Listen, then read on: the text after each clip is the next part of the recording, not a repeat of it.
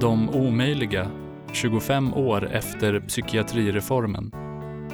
I januari 2020 kom boken Följ Åsa Moberg och Anna Fredriksson på vägen dit. Idag har de bjudit in dramatikern Gunilla Boetius som berättar om sina teaterpjäser. Många av dem har neuropsykiatriska funktionshinder som tema, som den nu aktuella Skuggsyskon.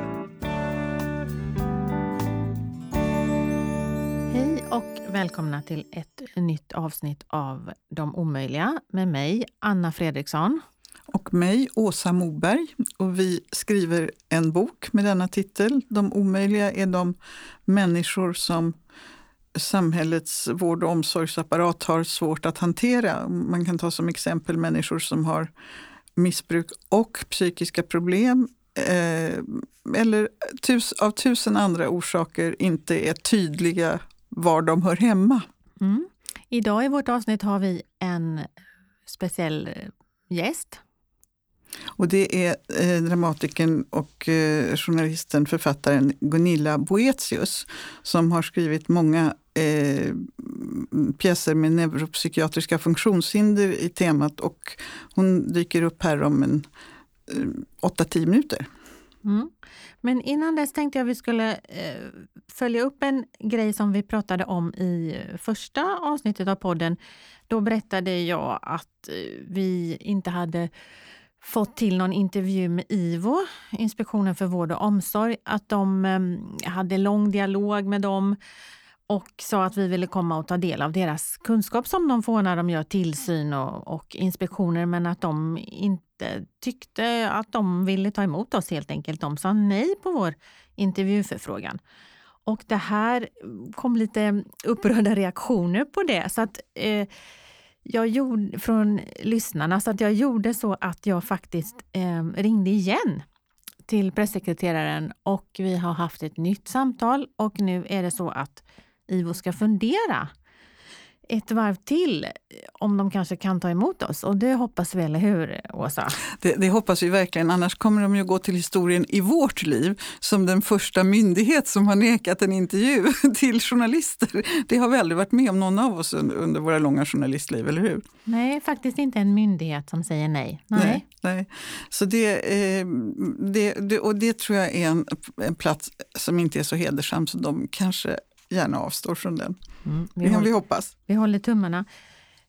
IVO är en intressant myndighet för att när den inrättades eh, av alliansregeringen så skulle den ju eh, revolutionera tillsynsarbetet i vård och omsorg i Sverige. Och, och tanken var väldigt god och enskilda personer kunde göra anmälningar till IVO. Om man hade sett på ett missförhållande så kunde man anmäla det till IVO. Och då skulle man kunna få upprättelse i någon form. Och eh, det visade sig att de drunknade i anmälningar så från och med 2018 så togs den möjligheten bort. Ja, och det, det kan väl vara ganska allvarligt. Både du och jag känner ju till eh, fall där det har gjorts anmälan av enskilda personer som, och det har blivit tillsyn som annars inte skulle ägt rum och där det då har kommit fram allvarliga missförhållanden vid den tillsynen. Ja, eh, jag tror att det finns många sådana fall.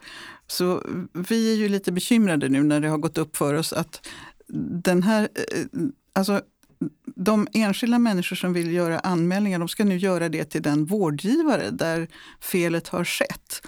Och eh, under min egen period som anhörig i psykiatrin som var 1990-talet så kan jag säga att det hade jag aldrig gjort. För att det kan man ju räkna ut med lilltån att det kommer bara att slå mot den som är patient om det är en som är återkommande patient. Så det, det är väldigt eh, tveksamt som system.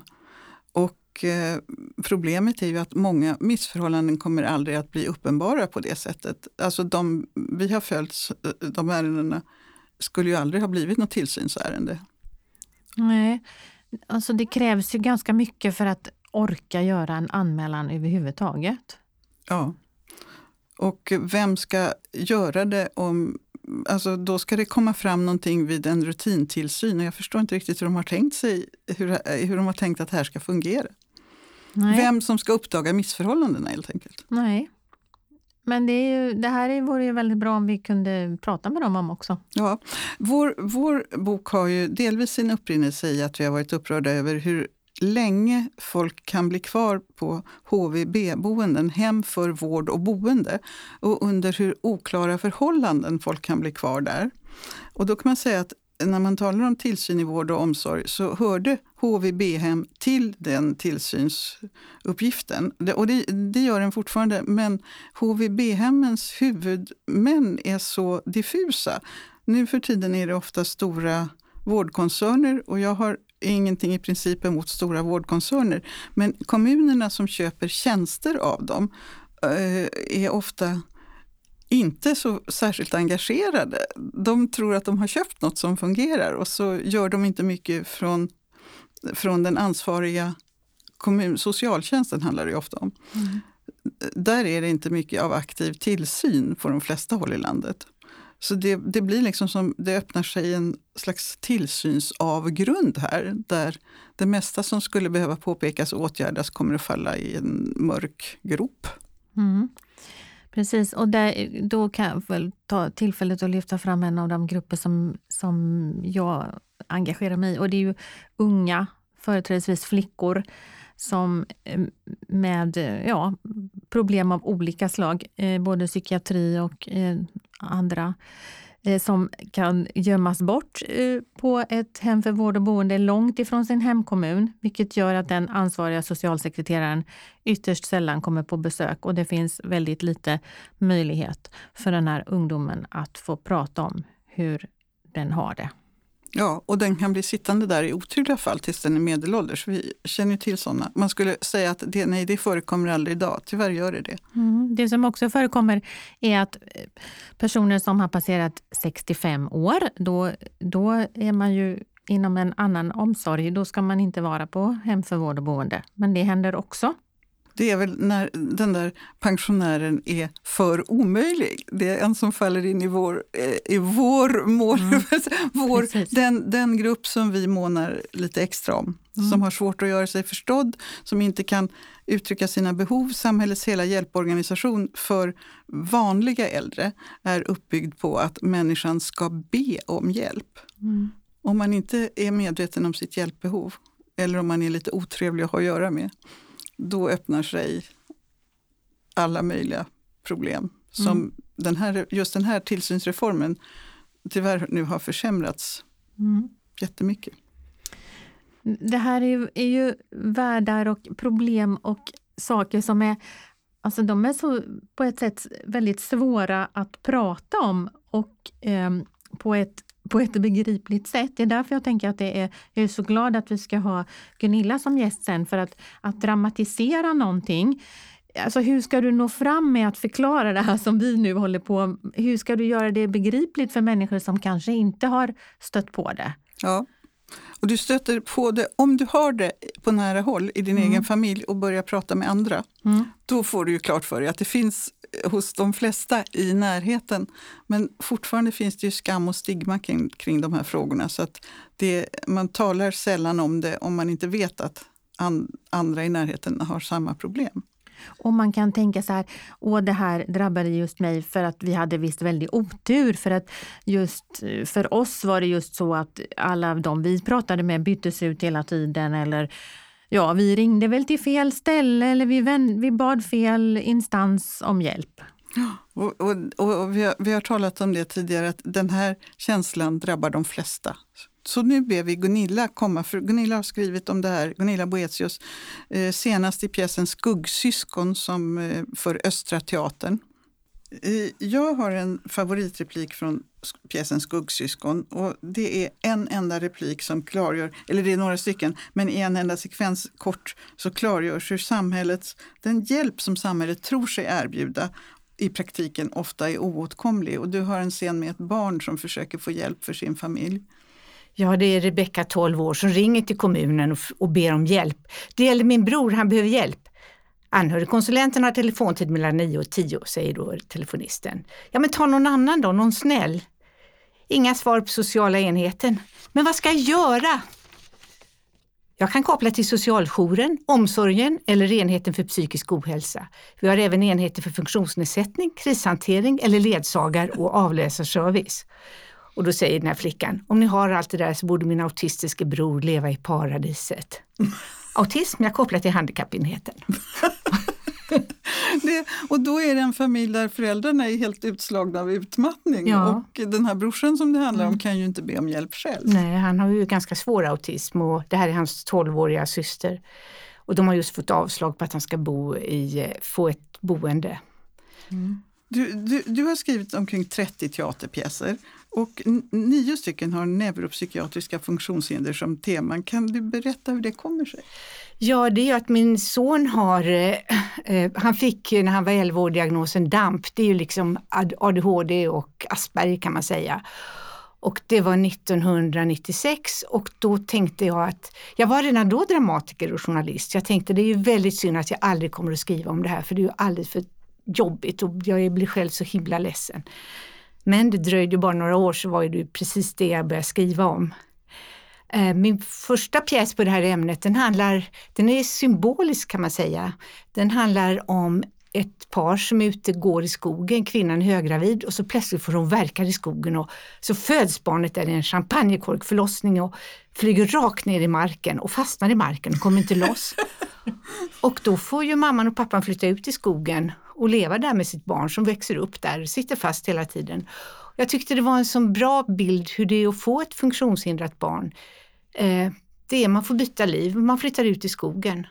Vad heter den pjäsen? Jordpojken. Jordpojken. Den har spelats i Helsingborgs stadsteater för många år sedan. Och eh, sen, ja just det, så att det, det, var, det var liksom min bild av det, just det här att man sitter fast också. Och sen hände en sak i mitt liv. Jag var på ett handikappmöte, jag var väldigt aktiv i handikapporganisationer. Det är ju så viktigt att träffa andra föräldrar. Och då träffade jag en mamma som var skådespelerska och hon visste att jag var dramatiker så hon sa till mig Gunilla, ska vi inte ta och göra en pjäs på hur det är att få diagnos på sitt barn? Och då insåg jag att det är ju det mest plågsamma, intensiva, omvälvande ögonblicket i ens liv. Det är ju när man sitter mitt emot en läkare som talar om att ja, ditt barn är inte normalt och det kommer aldrig att bli normalt, det här är kroniskt och det kommer inte att klara det och inte klara det och inte klara det. Och hur man då liksom rasar ner i avgrunden.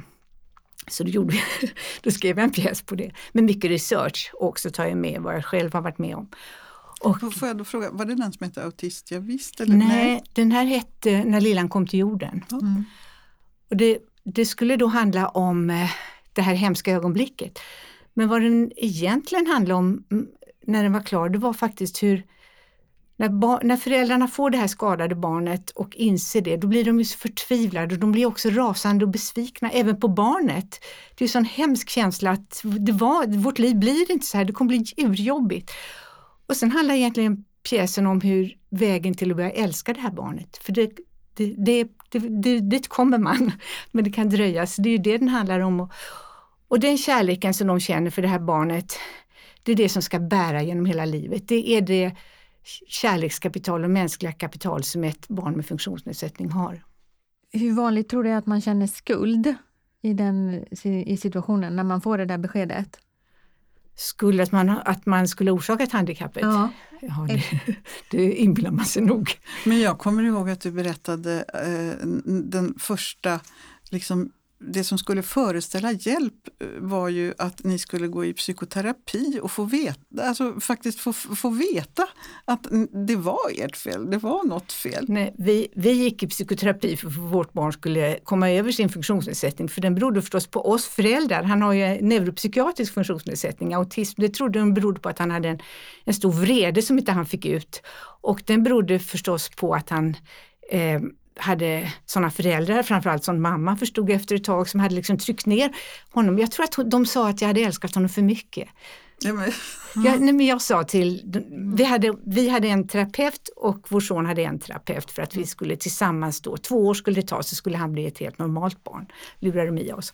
Och, så, och sen så sa jag till den här terapeuten, men vi, har älsk, vi älskar honom, vi har alltid älskat honom så himla mycket.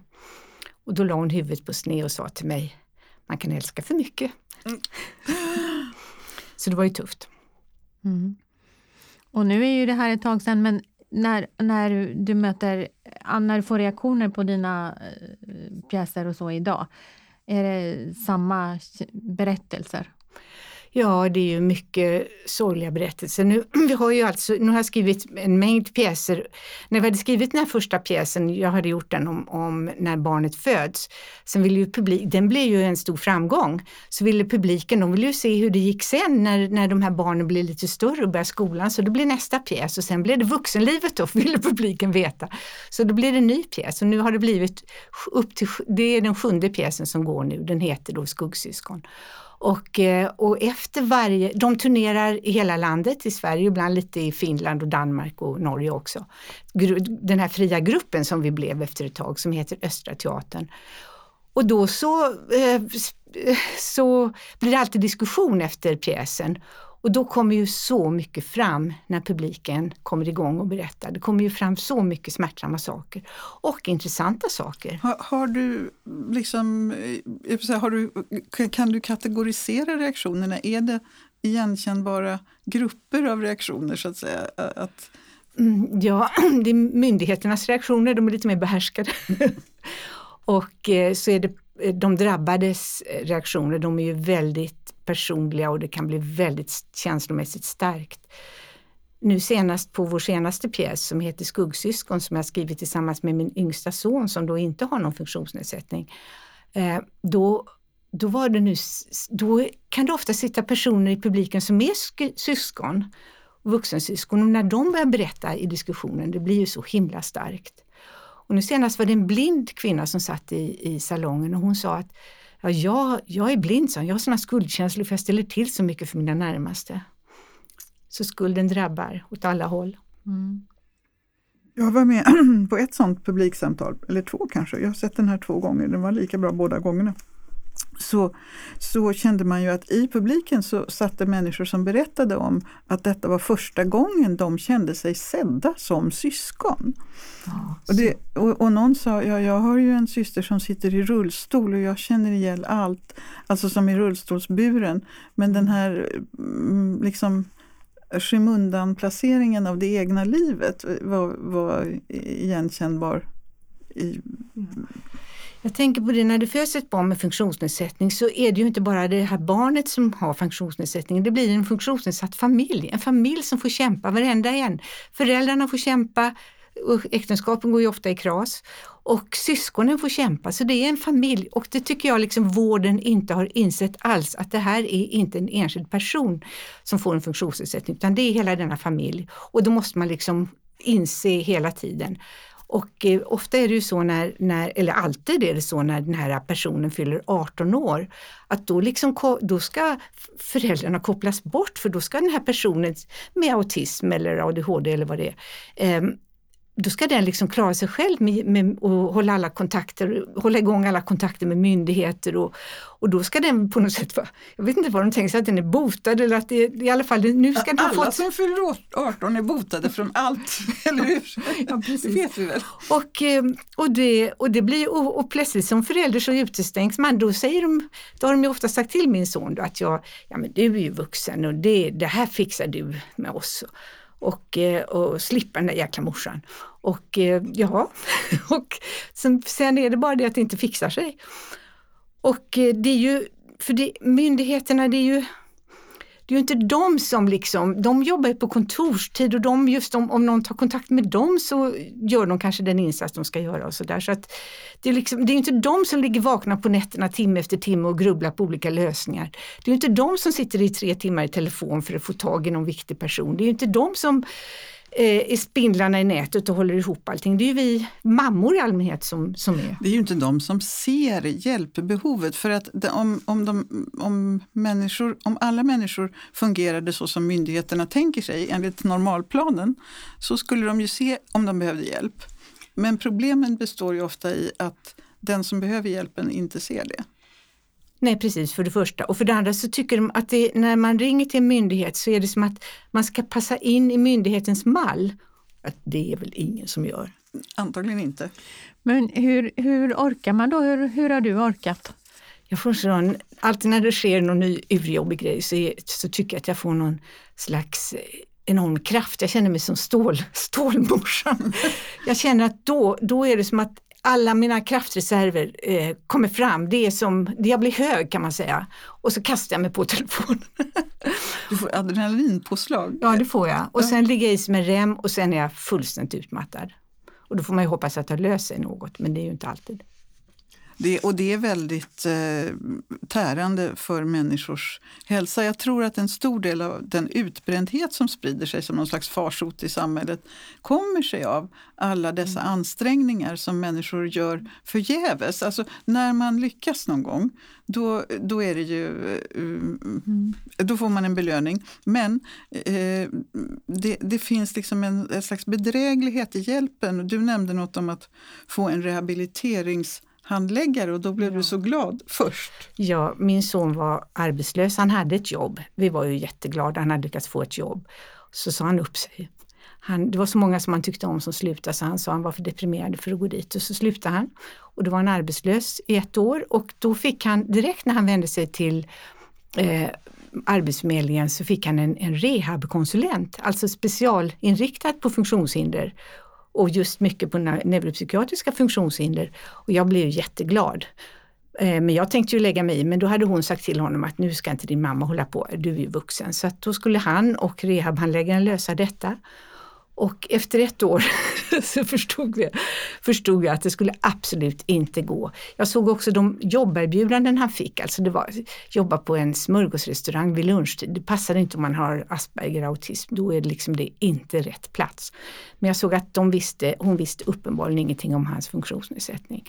Ha, eh, då började jag försöka lägga mig i lite smått och eh, det visade sig att han på något sätt lyckades få en en, eh, arbets, eh, en praktik på en supermarket med ganska trevliga människor. Och då tänkte jag att det här borde kunna gå, det här borde kunna gå. Men efter ett halvårs praktik vill de inte anställa honom.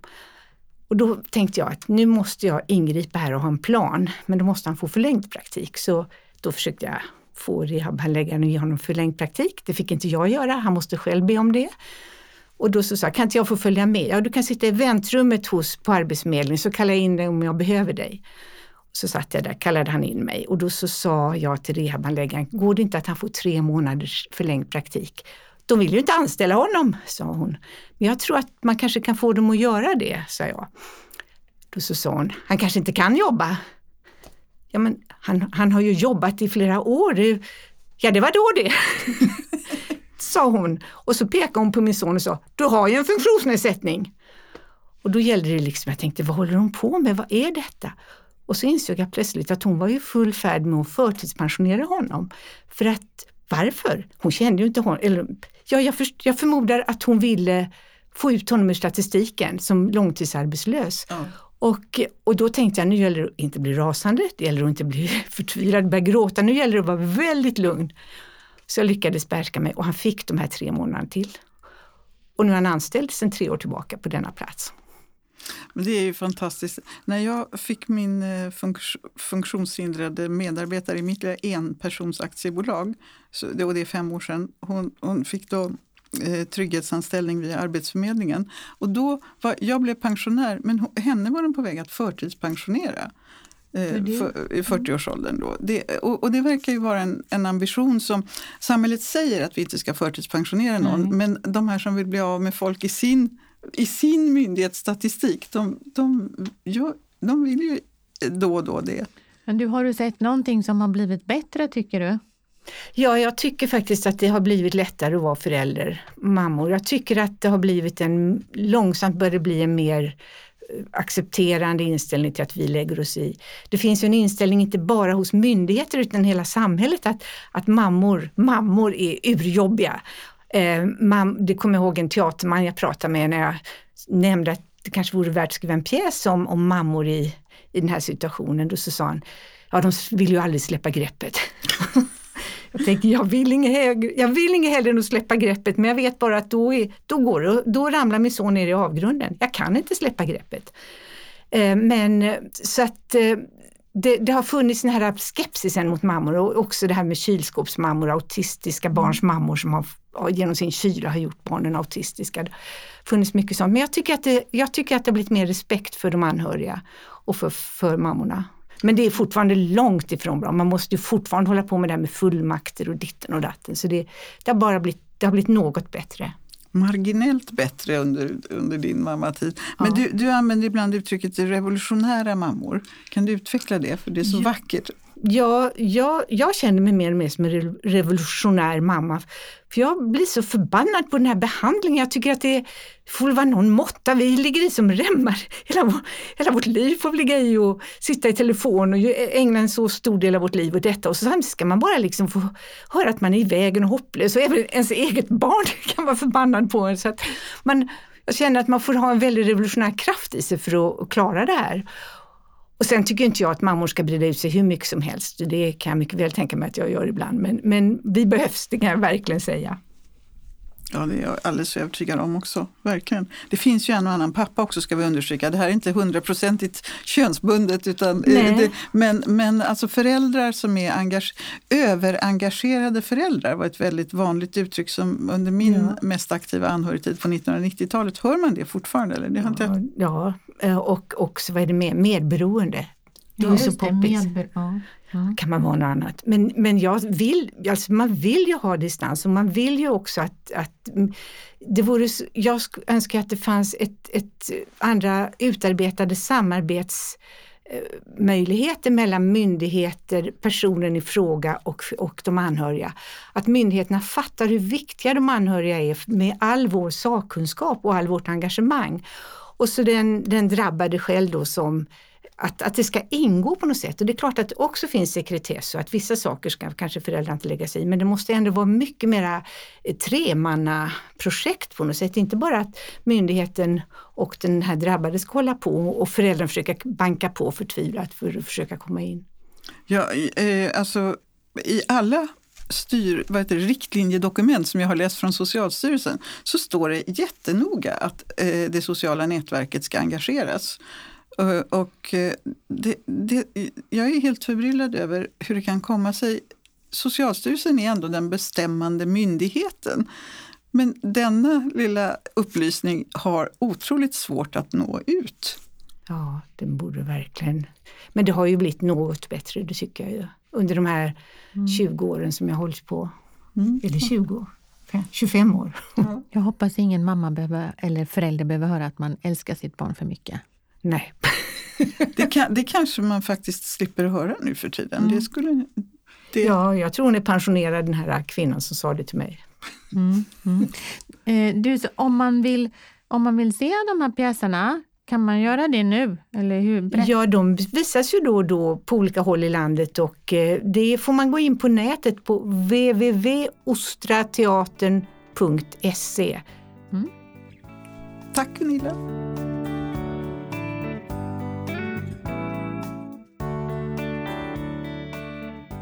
Du har lyssnat på De omöjliga med Åsa Moberg och Anna Fredriksson. Gäst i programmet var dramatikern Gunilla Boetius. Ljudtekniker var Charles Eggers, producent Jeanette Malkan och inspelningen gjordes på Natur och kultur. Musiken är specialskriven av Mårten Moberg. Vill du dela med dig av dina tankar efter att du lyssnat? Skriv gärna till deomöjliga nok.se